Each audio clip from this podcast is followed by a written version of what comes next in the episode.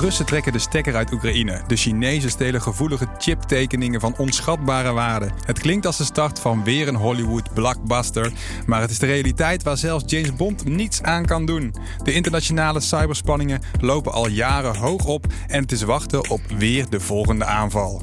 Als gemiddeld Nederlands bedrijf of organisatie lijkt dit allemaal hoog over te vliegen, maar is dat wel zo? Mijn naam is Bram van Dijk, ik ben techjournalist en in de podcast De Cyberstelling kijken we naar de belangrijkste thema's binnen cybersecurity. Met deze aflevering de stelling. Elke organisatie moet vrezen voor Rusland en China.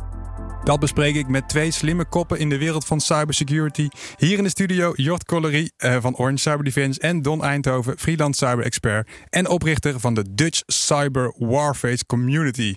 Jort, derde keer hier in de, met een veteraan aan het worden hè, hier in de studio. Ja, maar het is ook hartstikke leuk om hier weer uh, te zijn. En ook uh, met andere slimme koppen aan tafel te zitten. En over het, uh, het mooiste onderwerp in de IT te praten: cybersecurity. Kijk, dat hoor ik graag. Het mooiste onderwerp, heb je dat ook, Don, uit de IT? Uh, cybersecurity weet ik niet, maar cyberwarfare absoluut. Ja, dat greep me meteen. De eerste keer dat ik het hoorde was ik meteen verliefd. Ja, ja, ja leg het eens even uit. Hè. Dutch Cyber Warfare Community, oftewel de Nederlandse ja, cyberoorlogsvoeringsclub, zou ik het even kunnen samenvatten. Uh, ja. Wat doen jullie en over welke thema's hebben jullie het? Nou ja, het zegt eigenlijk, zit eigenlijk al in de naam. Hè. Uh, we zijn, nou ja, laat, ik het, laat, ik het anders, laat ik het anders starten. In 2008 ben ik uitgenodigd door een Amerikaanse vriend van mij. Dat is die ik toen nog niet kende, maar later een goede vriend geworden is. Uh, om, om deel te nemen in een, in een online denktank uh, via LinkedIn. En dat heette toen de Cyber Warfare uh, Forum Initiative. En dat heet nu het Cyber Security Forum Initiative. En uh, om daar deel te nemen. En ik had echt geen idee waarom, want ik had daar helemaal geen achtergrond in. Maar ja, dat was fantastisch. Ik zat in, in, in hele diepgaande uh, discussies met all walks of life. Van policymakers tot militairen tot, tot hackers. Ja, het was zo geweldig. Maar dus alles, het, het, het hele cyberoorlog gedeelte, alles wat daaronder valt, dat zijn de onderwerpen die, die jullie boeien. Ja, sowieso, ja. Maar dat zit zoveel facetten in dat je al die disciplines nodig hebt. En dat doen wij dus ook. De reden dat DCWC überhaupt bestaat is omdat ik dat hier in Nederland wilde hebben. En ik vond niks, dus ik, toen heb ik er zelf mee opgericht. Dus ja, ja dat was dezelfde insteek eigenlijk. Ja. ja. Ja, En waarom fascineert je je zo, de, de cyberoorlog? Hè? Ja, dat klinkt een beetje, een beetje lullig. maar um, ja, het meest, als je het erg cynisch bekijkt, het meest interessante wat je kan doen met een mensenleven is het beëindigen, zeggen ze wel eens. Dat is natuurlijk een beetje, een beetje rauw, maar ja, ja het is, er zit wel een bepaald soort morbide fascinatie misschien ook in verweven. Dat je gewoon uh, reach out and touch someone, zeg maar. Dat, uh, met digitale middelen, ja, dat is natuurlijk super heftig. Ja, en, ja. Nou ja, je hebt natuurlijk veel mensen die inderdaad oorlogsvoering geïnteresseerd zijn. En uh, kinderen die met uh, soldaatjes spelen. En dat, dat, dat zit er natuurlijk diep in. Maar dan die computer erbij, dat is natuurlijk weer een hele. Is, is het heel anders of is het eigenlijk wel te vergelijken allemaal? Hmm, dat is lastig. Nou, nee. Het is. Het is hetzelfde tegelijk ook niet. In dat je het hebt over projectie van kracht. Hè, power, zoals Joseph Nye ook zegt. Dus eigenlijk heel um, in dat opzicht is het hetzelfde. Maar voor de rest is eigenlijk bijna geen gelijkenis. Um, je kijkt meer naar de processen die rondom oorlogsvoering zitten. En daar ga je op inzagen, zeg maar digitaal. Ja, ik kan het echt ben je geweest? Ja, meerdere keren. En ik uh, kan het echt aanbevelen. Zeker voor uh, de vakidioten zoals, uh, zoals ik. En, maar ook Don natuurlijk. Maar als je daar dan eigenlijk in een zaal zit met, met heel veel leden. En met knappe koppen. Die ook uiteenlopende onderwerpen behandelen. Die heel interessant zijn. En die ook soms futuristisch zijn. Hè? Echt ver in de toekomst. En dat je denkt van nou, dat is misschien nog een Hollywood film. Maar dan een paar maanden later komt het dan toch ineens heel erg dichtbij. En dat is echt heel mooi om te zien. Ja, ja, ja ik noemde hem net al even, Jort. James Bond, hè, is als bekendste Kom je vaak van dit soort uh, James Bond-achtige verhalen tegen? Nou, dat wil ik niet eerlijk zeggen. De, James Bond is natuurlijk hartstikke futuristisch en heel erg Hollywood uh, gericht. Uh, en dat moet de kijker van maken. Uh, wat wij in Nederland zien, maar ook daarbuiten, dan zijn het toch wel een beetje de, de, de politie-actie-series die we van de televisie kennen. Oh ja, iets braver dus. Iets braver, ja. ja. maar als we dan bekijken op Nederlands grondgebied, dan vind ik de aanval van OPCW vind ik toch echt wel vergelijkbaar met de James Bond film. Ja, in Den Haag, de organisatie voor het verbod van chemische wapens was dat. Ja, klopt. Wat gebeurde er? Nou, dat... Uh, de, Moet men... de tune alvast even starten, de James Bond tune? dat zou heel mooi, heel mooi passen. Uh, nou, de aanval, hè, ze hebben waarschijnlijk meerdere malen geprobeerd... om digitaal de organisatie binnen te dringen. En dat is waarschijnlijk niet gelukt. Dus ze zijn op het vliegtuig gestapt en een auto gehuurd. Een auto helemaal gefabriceerd met allerlei apparatuur... en zijn op het parkeerterrein naast de organisatie van OPCW... zijn zij gaan trachten om op het wifi-netwerk binnen te breken. Maar zij werden al eigenlijk gemonitord en gevolgd door de Nederlandse inlichtingendienst. Ja, fascinerend. Ik heb hier dat foutje voor me van een auto volgeladen met antennes en met batterijen. En, en op hete daad betrapt dus. Absoluut, hete daad. En dit was echt een, een behoorlijk uh, ja, kantelpunt in de cyberwarfare, cybersecurity wereld. Want dit was echt nog niet echt eerder voorgekomen dat men zo dicht op de aanvaller zat. En ook meteen hebben het kunnen toeslaan. Ja, zo brutaal is het ook natuurlijk, die aanval. Ja. dat zie je ook. Dat, eh, en ik roep het al jaren, de, de verwevenheid van analoog en digitaal is een feit. Ja. Uh, het is niet alleen maar digitale oorlogsvoering. Uh, analoog wordt ook ingezet en gecombineerd daarvan. En dat is het voorbeeld. Hè. Men kon niet via de, de, digitale voordeur naar binnen. En wat gaan ze dan doen? Dan, nou, dan gaan we gewoon op bezoek. En dan gaan we kijken of we dichterbij kunnen komen. En dat is iets ook wat uh, het ethisch hacken binnen mijn team ook veel voorkomt. Hè. Wij doen niet alleen maar digitale uh, pentesten. Wij doen ook gewoon mystery visits en, en voice phishing. Alles wordt ingezet om het doel te bereiken. Ja. En dat doen de echte nation states doen dat ook. Ja, fascinerend. Ja, gewoon. Dat was wel echt. Dat was inderdaad echt wel James Bond voor je gevoel, inderdaad. Uh, Don, wil je eens even een beeld schetsen? Is, is op dit moment iedereen met elkaar aan het knokken in, in cyberspace? En alle landen hebben die ruzie met elkaar. Is er continu aanvallen hier, aanvallen daar? Wat gebeurt er? Dat is een beetje lastig om accuraat te beantwoorden, denk ik. Uh, omdat de informatie die ik daarover heb is enigszins gedateerd. Er, zijn, er is namelijk wel onderzoek naar gedaan. En dat boek wat ik erover gelezen heb, kan ik trouwens niemand aanraden. Dat is mega saai. Ik echt wel twintig keer in slaap gevallen. Nou, noem het uh, allemaal niet, maar goed. Echt een wetenschappelijke studie tot 2015 ongeveer. Uh, waarin dus gesteld werd van, nou oké, okay, wordt heel veel gesproken over cyberwarfare. En hoe heftig is het nou werkelijk?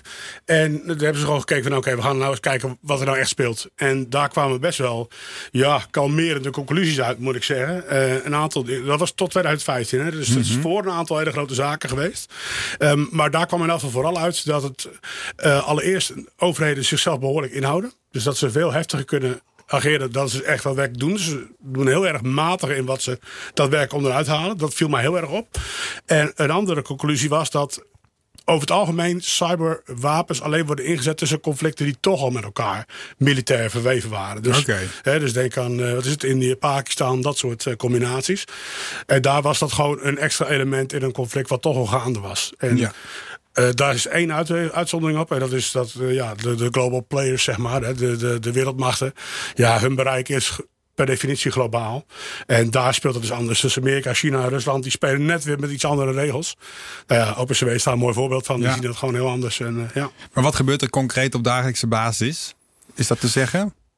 Mm, nou ja, ik denk sowieso niet dat ik kan spreken op daags. Ja, behalve dan spionage, als je dat onder oorlog wil voeren wil doen. En dat is echt wel een definitiekwestie van waar gooi je dat onder, cyberspionage. En, uh, nou, laten we zeggen internationale spanningen, zou, zou ik zeggen. Ja, het gebeurt echt alleen als er echt iets is. Hè? Dus als er een, een oorlog ont, ontlaat, uh, opwaait, dan, uh, dan zie je dat er gewoon ook cyberacties gedaan worden. Dat is onderdeel van operatie van de meeste landen. Ja, dus het is niet dat er op lange termijn iets gebeurt. Rusland doet het bijvoorbeeld wel. Hè? Die, Wat doen ze dan bijvoorbeeld? Wat zie nou, je dan? Zijn, wat, wat, wat, wat, je, wat je uh, prepping the battle space zou kunnen noemen.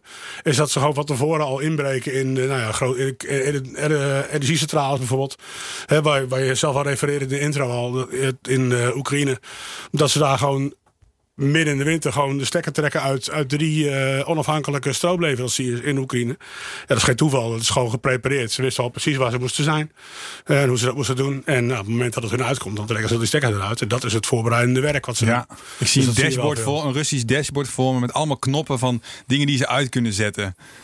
Ja, ik weet niet of dat natuurlijk zo is. Maar de grap is dat ze uh, pas verder kwamen in het weer aanzetten van de stroom. Toen ze echt fysieke brekers weer uh, aan moesten trekken, zeg maar. Oh, ja? Het enige wat nog werkte was echt puur analoge spul. Dus uh, dat was wel een mooi detail, vond ik. Ja. ja. Hey, Jort, uh, wat, wat, zijn de, wat zijn de doelen? Liggen die ook zo ver uiteen? Van als je naar internationale cyberoorlog kijkt? Nou, eigenlijk complementair op uh, datgene wat Don zegt. Uh, je, ziet natuurlijk, er moet iets gebeuren in, in, in de wereld. Een voorbeeld daarvan is natuurlijk uh, MH17. wat een, een, grote impact had op de Nederlandse samenleving... met het aantal overledenen vanuit Nederland natuurlijk. Maar daar zag je dus dat er een onderzoeksraad werd opgesteld vanuit Nederland... Uh, en de tegenactie vanuit Rusland is daar ook direct op. Hè. Men heeft gepoogd, aantal pogingen gedaan om bij de Nederlandse onderzoeksraad voor veiligheid binnen te dringen. men heeft gerichte uh, spearfishing acties uitgevoerd om medewerkers te targeten en uiteindelijk credentials te ontfrutselen. Ja. Dus je ziet dat als voorbeeld uh, van land versus land. Hè. En een land gaat onderzoek doen naar de betrokkenheid van Rusland boven Oekraïne. En hoe zien we dit? Want iedereen is natuurlijk achter driedubbele VPN-verbindingen uh, aan, het, aan het hacken, kan ik me zo voorstellen. Ja, je ziet het pas als het gebeurt. Hè? Uh, dat zeg ik ook heel vaak. Je ziet het pas als je het door hebt. Uh, en, en er zijn nog heel veel andere voorbeelden die uh, daarop volgend zijn geweest. natuurlijk Rusland versus Oekraïne met NotPetya. het met doc boekhoud. maar fysiek gezien, je ziet het gewoon in IP-adressen... of je ziet het in, in Russische tekens die gebruikt worden... of dat soort dingen. Donja knikt ja? Ja, ja. In principe al, al die dingen. Ehm, wat ze bijvoorbeeld, nou ja, SolarWinds is natuurlijk onlangs een vrij hoogvliegende ding geweest. Ja, een grote grote, supply chain hack, ja, weet dat dan? Supply chain attack. daar hebben ze gewoon uh, gezegd, nou, dat is Rusland. Niet alleen aan het niveau van expertise wat je ziet, maar vooral ook de infrastructuur die gebruikt wordt bij, de, bij het opzet van zo'n aanval. Hè, bepaalde IP-adressen, bepaalde serverconstellaties die ze dan gebruiken.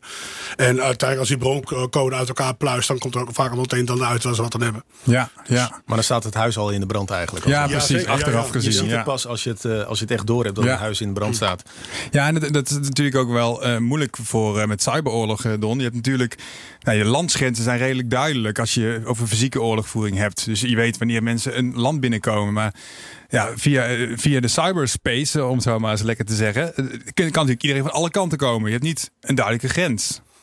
Of, is dat, uh, of wel? Nou ja, wat je altijd hoort is dat uh, het internet grenzeloos is. En dat is dan net niet waar. Tenminste, ik erger er altijd een beetje aan. Want dat maakt het juist zo moeilijk. Het feit dat je het over andere landsgrenzen heen gaat. Dus je jurisdictie houdt gewoon op een bepaald punt op als overheid. Dus laten we die, fabel even uit de lucht helpen. Uh, het, is niet grenzeloos. Het probleem is juist dat er overal grenzen zijn.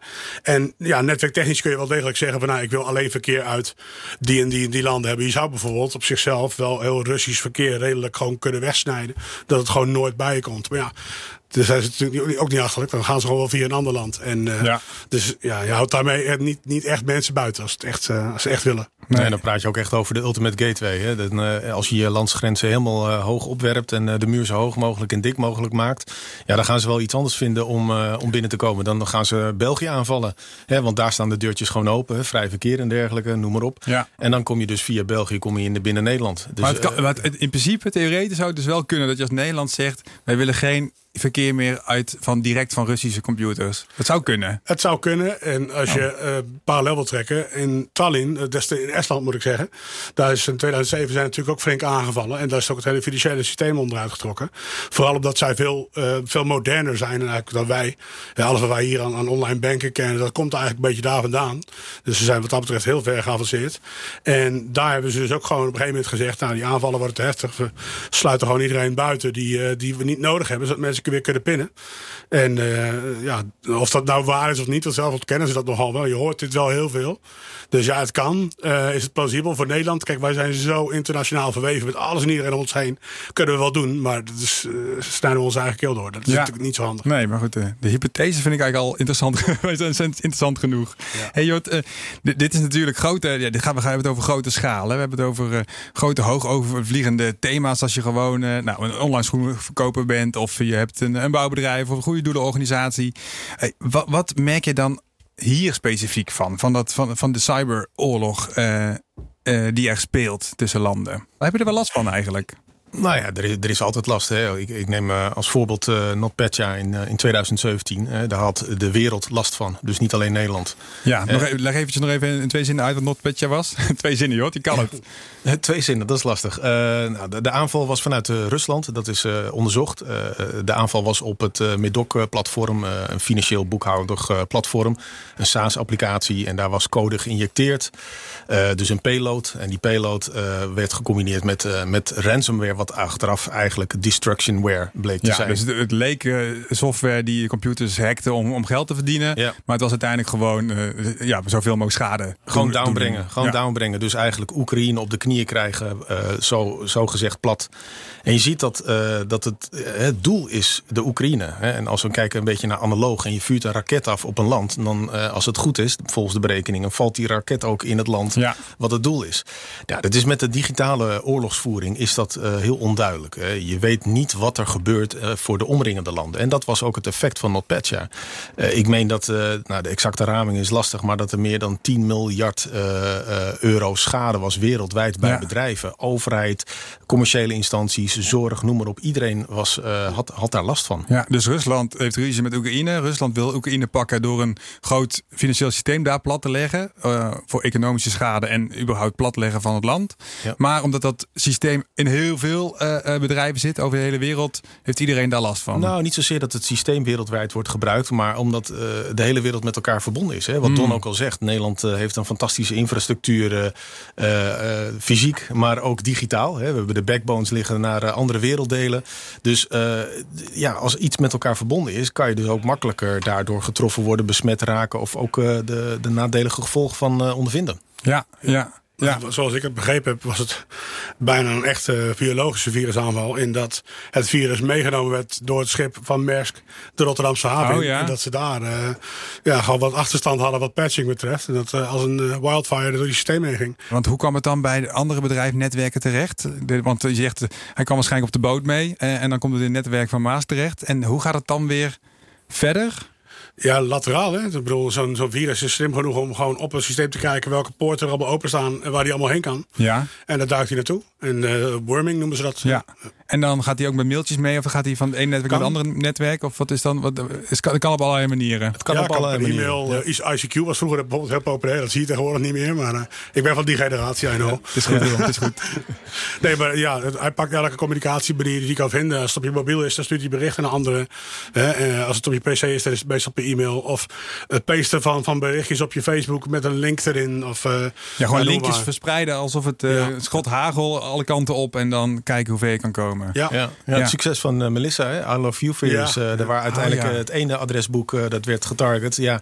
En zo verspreidt het zich maar alsmaar verder. Ja. En nu wordt het meer dan alleen maar het adresboek. Want die linkjes, social media attacks worden al, vinden al plaats. Ja, dat is, het is bijna niet te stoppen. Nee. Ja, kijk, nou, dat, dat is mooi gezegd, Jort. Want dat is natuurlijk wel de bedoeling. Hoe, hoe, hoe kon je dan zorgen dat zij dan niet ter prooi vallen van zo'n non-petja, Jort? Petje, petje en petje. Dat is eigenlijk de vuistregel binnen cybersecurity. Als je dat niet doet, dan ben je eigenlijk al aan, aan de goden. Dus als je goed uh, geüpdate was, dan was er niet zoveel aan de hand geweest. Ja, dat, is, uh, dat zie je ook uh, met een WannaCry. Hè. De, de, de phishing voorbeelden van bijvoorbeeld Universiteit Maastricht. daar lag het ook aan patchen. Als je niet een goed patchbeleid hebt in je organisatie, ben je heel erg kwetsbaar. En dat is precies waar de, de kwaadwillenden op zoek zijn. En die zijn naar low-hanging fruit op zoek. Het makkelijke manier om binnen te komen. En dat zijn, want, want die grotere aanvallen die we kennen, waren allemaal al bekende deuren die open stonden. Niet allemaal, maar grotendeels. Er zijn natuurlijk ook de geraffineerde aanvallen waar men inderdaad die supply chain attacks, waar men dus op een andere manier binnen proberen te komen. Uh, Jort, je noemde het net al, hè, bij, bij SolarWinds, de maker van IT-software eh, Orion, wat bij heel veel bedrijven gebruikt. Ja, daarin zat dus gewoon een, een, een virus. Uh, is het een virus? Moet ik het een virus noemen? Nou, er was uh, een, een, payload geïnjecteerd in de code. Ja, er zat een injectie dus in de, een verkeerd stukje broncode in in een update van SolarWinds. En bedrijven die automatisch dat, uh, dat, dat laten installeren door SolarWinds, waren allemaal ja, kwetsbaar en werden ook geïnfecteerd. Ja. Ja, dus eigenlijk een, een backdoor zat in de, in de programmatuur door die update. Ja. Waardoor uh, dus kwaadwillenden of uh, geïnteresseerden die, uh, die toegang hadden tot die verschillende organisaties. Ja. Dus je ziet de, de, de ever-evolving threat landscape. Men is continu bezig om iets nieuws te bedenken waarmee we dus uiteindelijk onze doelen kunnen bereiken. En dan praat ik even uit naam van de kwaadwillenden. Ja. En dat is het kat-en-muisspel. Ja. De katten die, die zijn continu bezig om te kijken van hoe kan ik die muis pakken? Hoe kan ik op een verdacht plekje zitten om die muis erin te luizen. Ja. En, en dat is het gevecht wat we nu hebben. En je ziet nu dat hè, met SolarWinds, wat uh, niet nieuw is. Hè, we hebben ook gezien uh, bij CCleaner een, uh, een, een programmatuur voor, voor Windows... dat al in 2017 volgens mij ook door middel van een, een, een backdoor was gecomprimeerd. En je ziet het steeds vaker voorkomen. Het is een nieuwe techniek van aanvallen. En wat men kan doen is, is dat, dat de organisaties nu bepaalde platformen, software, applicaties gaat isoleren in het netwerk. Uh, dus patchen is een goed voorbeeld hè, om, om uh, tegen te gaan tegen aanvallen. Maar ja. ook bijvoorbeeld uh, netwerksegmentatie. Maar ook kritieke of, infrastructuur te, te, te, isoleren. Ja, dus je, je en, en, wat moet je dan precies doen? Want je, je, moet je wel die automatische update aan laten staan of mm -hmm. niet? Don? Nou ja, het grappige is dat wat er bij SolarWinds natuurlijk gebeurde. Daar ging je juist nat als je wel goede ja. procedures uh, aanhield. Er zijn nou van... weet ik het ook niet meer, jongens. Dan nee, op, help ja, me dat, eventjes. Dat heeft ook alles te maken met wie je voor je hebt. En uh, wat, uh, wat ook heel terecht zegt. Uh, patchen, patchen, patchen. En dat, daar zie je denk ik ook wel de schifting tussen... heb je te maken met criminelen of met overheden. Want als je met overheden vecht, dan heb je, tegen, heb je het over zero days. En zero days ja. zijn kwetsbaarheden die nog niet bekend zijn. Hè, die, die overheden in hun zak hebben zitten. Om, binnen, om, om hun doelen te kunnen bereiken. Ja, daar is daar geen patches tegen. Hè? Dus je hebt het echt over next level tegenstanders die niet opgeven als het niet te moeilijk is. Hè? Ik bedoel, hou, hoe hou je een inbreker uh, buiten? Nou, door jouw slot net iets beter te maken, die van je buurman, dan gaan ze daar wel heen. Bij overheden werkt het gewoon niet zo. En nou ja, de patch dat werkt dus voor nou ja, die, die schothagel van 99% van alle uh, virussen die voorbij komen. Hè? Die ransomware, die lockers. Maar als je overheden tegen je treft, zoals SolarWinds, ja, daar werkt het gewoon net al even iets anders. Hoe ze nou uiteindelijk binnengekomen zijn bij SolarWinds zelf, weet volgens mij nog steeds niet. Dat houden ze wel begrijpelijk een beetje onder de, onder de tafel. Maar het verder, het kostte uh, FireEye um, bijna al zijn resources over een periode van weken, zo niet maanden, om überhaupt te kunnen zien wat ze wisten dat ze gecompromitteerd waren. En toen heeft het ze weken en, en duizenden manuren gekost om überhaupt die aanval te kunnen reduceren mm. tot die SolarWinds server. En toen hebben ze gezegd van oké, okay, dan willen we dat onderzoeken. SolarWinds, mogen we dat doen? En toen zijn ze samen uh, daarin verder gegaan. En toen heeft het ze nog weken lang gekost om de aanvalscode, wat was uiteindelijk maar een heel klein stukje bleek te zijn, uh, om dat te vinden. En dan heb je het over een bedrijf wat niet alleen daarvoor ingericht is, maar ook alle specialisatie ja. in huis heeft. Ja. Dus, uh, maar dan ben je, ja goed, als we het dan over slechte spionnen hebben of slechte oorlogshelden, het is natuurlijk voor een Hollywood, waar, had je wel respect gehad voor deze mannen en vrouwen. Dat zou me niet verbazen als hier nog een keer een film van gemaakt wordt. Ja. Dus het is een beter verhaal dan Big Short. Ja, ja. zeker. Ja, ja. Het, was, het zat echt goed in elkaar dus, uh, Jort, wat jij ervan begrepen nou ja, hebt. Als we het hebben over die James Bond uh, verhalen, dan ja. is dit echt het script uh, voor, voor een nieuwe James Bond. Ja. het zit, het, het, en dat is het ook, hè. cyberaanvallen worden steeds geraffineerder. En dat zie je ook wel. En het is terecht wat Don ook zegt, een, een, een, een nation state actor, die stopt niet. Hè. Die krijgt een opdracht. Uh, en dat zie je ook in de analoge oorlogsvoering. Als er een opdracht wordt gegeven om een, een land uh, of een, een volk uh, te grazen te nemen, dan gebeurt dat ook. Hè? En men stopt pas als de klus geklaard is. Ja. En dat is met, met, met criminelen, cybercriminelen. Ja, die gaan toch een beetje de, de, de makkelijke weg. Ja. Hoe kan ik in, in de, in de snelste, op de snelste manier zoveel mogelijk geld verdienen? Dus eigenlijk tegen zo'n SolarWinds uh, aanval, we zien ze gelukkig nog niet zoveel op deze schaal. Kun je dan eigenlijk niet zoveel doen als een Nederlandse organisatie? Dus ja, wel goed updaten en je kritieken, nou, de bestanden of de infrastructuur die je niet wilt delen, niet verbinden aan zo'n, uh, niet uitbesteden aan een leverancier of wat? Ik ben aan het zoeken hoor. Nou ja, dus puur toeval hoor, maar ik heb afgelopen weekend een paper afgemaakt over dit, specifieke onderwerp. Uh, en dat, dat ging echt over ja, dat dit nieuwe goud is voor, voor inlichtingendiensten. En dat is ook wat je hier ziet. Hè. Ik bedoel, het ging niet om SolarWinds, het ging om alle bedrijven waar ze binnen zaten. En dan heb je het echt over elk, uh, de Department of Defense, alle takken van de militaire uh, eenheden die er zaten, dus het leger, de marine en mariniers, alles. Maar voor de Russische inlichtingendienst is dat natuurlijk super interessant. En wat ik in dat paper stel, is dat, ja, dit gaan we vaker zien. Overigens, ik had hem ingediend en toen kwamen die nieuwe uitingen dat diezelfde groep weer aan het hacken was. Dat oh, ja? is nu weer het nieuws. Dus ze zijn nog alles behalve klaar. Uh, ja, dit, dit gaat niet meer weg, joh. Dit, dit ga je blijven houden. Ja, nee, iedere aanval geeft ook weer nieuwe inzichten in hoe we ons moeten beveiligen. Mm. En dat is ja. het kat-en-muisspel. En we moeten continu gaan nadenken van wat zal de volgende stap zijn. Ja. Maar uh, ja, dit is nog maar het puntje van de ijsberg. Ja. ja. Nou, lekker dan. Ik zoek een beetje perspectief, maar ik krijg alleen nog maar ijsbergen op me afgestuurd hier. Nee, ik betoog in, in, in dat paper in afval dat het mogelijk moet zijn om op basis van criteria uh, wel duidelijk te krijgen wie er in je supply chain extra kwetsbaar is. die extra gevoelige plekken bedoelt in jouw ja, constellatie van, van suppliers. Want dat heeft elk bedrijf inmiddels.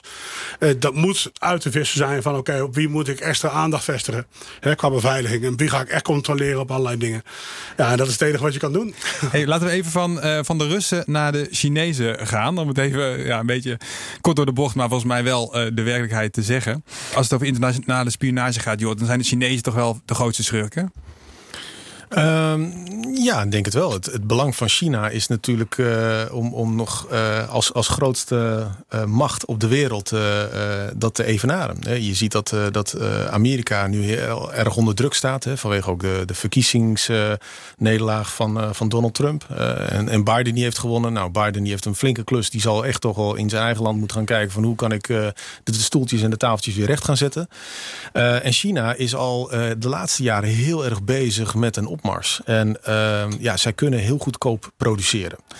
En je ziet ook dat in China uh, die het uh, vuurwerk heeft uitgevonden, het buskruid heeft uitgevonden.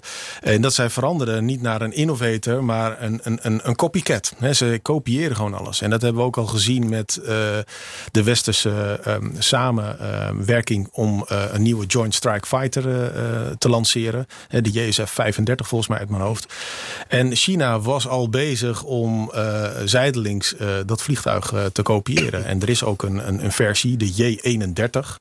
Uh, en, en, en die vliegt al. En, en die vloog eigenlijk al eerder dan dat de eerste JSF uh, 35 in, uh, in, in het westen. Dus ze hebben die tekeningen gewoon uh, bemachtigd? Nou ja, ze hebben aanvallen uitgevoerd. De Lockheed Martin was de, volgens mij de touwtrekker van het hele nieuwe vliegtuig. En, en zijn ook Boeing heeft aangehaakt. Dus je ziet wel, de, de verspreiding van informatie is over heel veel landen. Het zit niet in één kasteel hmm. zoals we dat vroeger hadden. Um, dus je aanvalsoppervlakte is vele malen groter. Ja. En uh, als je dan de Chinezen aan het werk zet, en je, ja, dan, dan komt er ook iets uit de bus. Ja, ja. ja, zie je dat ook, uh, Don? Is het, uh, ja, je, um, het is zeker de moeite waard om gewoon alleen eens te kijken naar de, het militaire luchtmateriaal wat ze hebben in China. Want je noemt heel terecht die, F-35-kloon, maar kijk naar de J-20 Chengdu. Hè, dat is een, een vliegtuig wat eigenlijk de best of breed is van iets van vijf westerse ontwerpen. Oh ja? Ja, dat is meer dan 50 terabyte aan, aan data gejat van allerlei verschillende bedrijven zoals uh, Lockheed en dat soort jongens. En dat is allemaal bij elkaar gebracht door, door engineers van China. Dus wat dat betreft alles behalve uh, copycat. Hè? Dat is gewoon volgens Aeronautica. Redesign zou ik zeggen. Ja, ja, ze hebben echt gewoon gezegd van wat werkt hiervan het beste.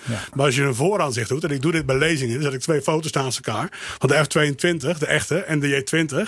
En dan vraag ik aan het publiek of ze kunnen stemmen stemmen van welke nou de echte F-22 is. Niemand lukt het. Nee. Omdat vanaf de voorkant die lucht inlaten, dat is gewoon gejat. Dat zie je gewoon. Ja. ja. zo is die hele vloot. Ze hebben geloof ik een stuk of tien straaljagers die allemaal next gen zijn. En die zijn allemaal of kopieën van bestaande vliegtuigen. Ja, echt uh, gaat ver. ja. ja. Ja, die zitten we dan eh, toch weer in de, in, de, in de vliegtuigen, de gevechtsvliegtuigen. Uh, maar ja, een, ander bekend voorbeeld is de Chinese aanvallen op ASML, de Nederlandse chipfabrikant of chipmachinefabrikant. Uh, ja, er zijn meerdere, meerdere aanvallen, maar de meest sprekende was wel de aanval dat er eigenlijk gewoon blauwdrukken voor chipmachines uh, werden gestolen, toch Jort? Zeg ik dat goed? Ja, klopt. Ja, uh, dat was in 2015. Uh, er was een, een, bedrijf in China wat uiteindelijk gecompromitteerd was. Wat ook uh, onder ASML opereerde. En vervolgens zijn die credentials weer misbruikt om in, in Amerika weer in te breken. En daar zijn inderdaad nou ook weer gigabytes aan data is daar buiten gemaakt. En vervolgens om een bedrijf wat in handen is van China, in gevestigd in Chinese Amerika. overheid, ja. ja om uh, die uiteindelijk een hele snelle spin-off uh, te la doen laten starten. En ook belangrijke klanten zoals Samsung afhandig te maken van een ASML. Ja, ja.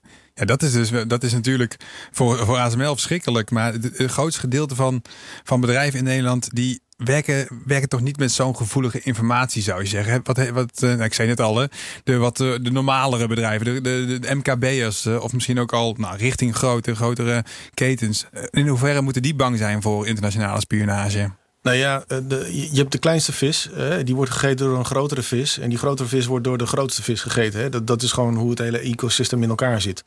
Uh, dus misschien zal een kleine onderneming, een MKB, er niet misschien direct last van hebben. Maar wel op de langere termijn. Ja, en, dan moet je je dan nog speciaal wapenen als je een. Uh, nou, jij werkt dus veel voor multinationals of voor grotere bedrijven. Tegen, tegen spionage. Wapen je daar op een andere manier tegen dan tegen alle andere vormen van, uh, van cybersecurity onderwerpen? hebben. Uh, in mijn ervaring wel. ja, ik weet niet of we merken mogen noemen. Maar ja, hoor, uh, denk aan, uh, aan Huawei. Hè, de, die, die door de Nederlandse overheid nu eindelijk echt geweerd wordt. Brenno de Winter die heeft daar een heel stuk over, over gepend. En ook bij deze wc gesproken. dat, dat Huawei wat dat betreft als opzet, als bedrijf... heel erg overeenkomt met ja, hoe je het zou doen als je dus niet deugt. Hè, dus talkslakken dak en kwaakslakken dak. Zeg maar een beetje dat van. Ja. ja, kijk, je ziet dat grote researchbedrijven met veel intellectual property gewoon zeggen: van, ja, wij doen gewoon geen zaken met, met Chinese bedrijven, omdat we ze niet vertrouwen.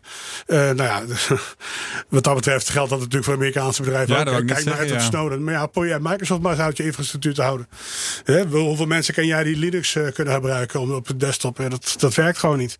Dus je moet gewoon heel, uh, heel slim omgaan. Het kan. Je moet je vrienden eigenlijk kiezen dus. Je moet kiezen wie je vertrouwt. Ja, ja, wie je vertrouwt. Sowieso een hele moeilijke. Ja, want, uh, vertrouw, je, vertrouw je überhaupt iemand online? Maar uh, nou ja, het is, het, is, het is een hele gecompliceerde materie. En het kost over het algemeen heel veel geld. Ik heb, ik heb klanten gehad die, wiens eerste vraag was, hè, vlak na Stoden, van kunnen we de Amerikanen buiten houden? En mijn antwoord was echt meteen, hoeveel geld heb je liggen? Want het kan, maar het is niet simpel. Ja, en uh, dat is natuurlijk ook de hele opzet. ja. ja. Nou, goed. Ik, ik word niet per se. Eh, ik vind het gezellig met jullie jongens. Maar het, de zon is nu nog niet helemaal gaan schijnen hier eh, aan de, aan de podcasttafel. Jot, is er nou nog iets waarvan je denkt. Ja, deze vraag komt vaker terug in deze podcast. Maar, maar, hiermee kunnen bedrijven nu direct aan de slag. Als je nu aan het luisteren bent en denkt: Goh, hebben wij het wel goed voor elkaar? Als je naar internationale spionage en uh, internationale oorlogsvoering kijkt. Is er iets waar je meteen mee moet starten?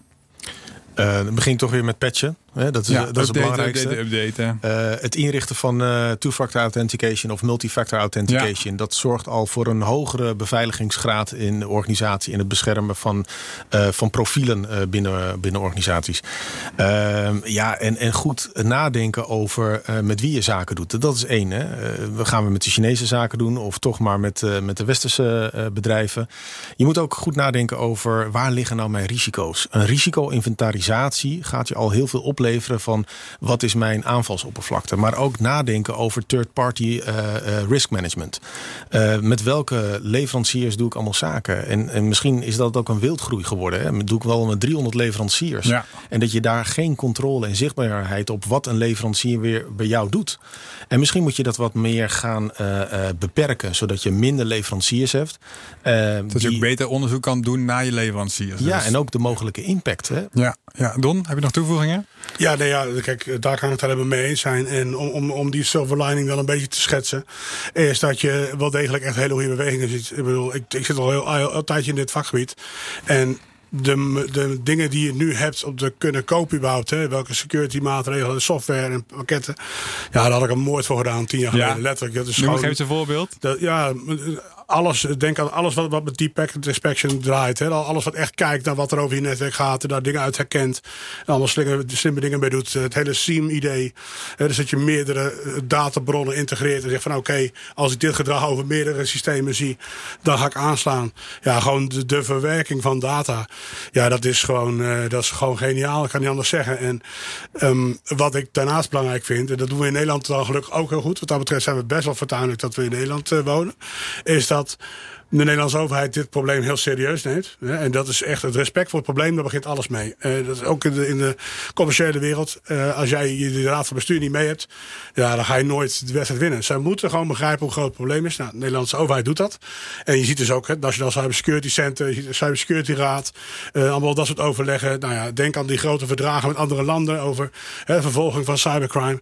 Nou, Nederland zit gewoon in een hele goede positie daar. En ja, als je het hebt over hè, positief nieuws, nou, daar moet het echt wel van komen. Nou, fijn. Ik zie hem, ik zie hem aan de horizon komen. De onder, het, het gaat nog even duren, denk ik. Maar we gaan in ieder geval wel die kant op. Nou, kijk, dat vind ik dan toch, toch fijn om te horen. Hè, gelukkig. uh, we gaan nog even één keer kort graag antwoord op de stelling. De stelling is: uh, elke organisatie moet vrezen voor Rusland en China. Don. Elke vind ik altijd zo moeilijk, hè? Elke, alle organisaties. Alle. Ja, ik denk dat dat ontzettend afhankelijk is van wat je doet. Als jij iets maakt wat voor overheden uh, interessant is, ja, dan, dat, dat is eerste orde aandacht. Hè. Daar moet je gewoon bewust van zijn. Uh, en voor de rest kun je ook gewoon gepakt worden zoals een, een NotPetya. Ik bedoel, dan ben je gewoon een burger. Ja. En dan heb je er helemaal niks mee te maken. En ineens is je PC versleuteld. Ja, dat, uh, dat is ook uh, nevenschade. Ja. Oké, ik schrijf hem op als een nee, Don. Jort, elke organisatie moet vrezen voor Rusland en China? Ik, ik, we moeten rekening houden, expect the unexpected. Oké, dan heb ik een ja en een nee. Dat vind ik toch wel eens een leuk aan deze podcast. En hiermee, hiermee nemen wij stelling. Doe dat vooral zelf ook. Reageer op de stelling op Twitter via de hashtag cyberstelling of via een review in de podcast-app van Apple. Dan kan je ons meteen even een mooi aantal sterren geven. Dit is de Cyberstelling, een podcast van Orange Cyber Defense. Dank aan mijn gasten. Ik ben Bram van Dijk en tot de volgende Cyberstelling.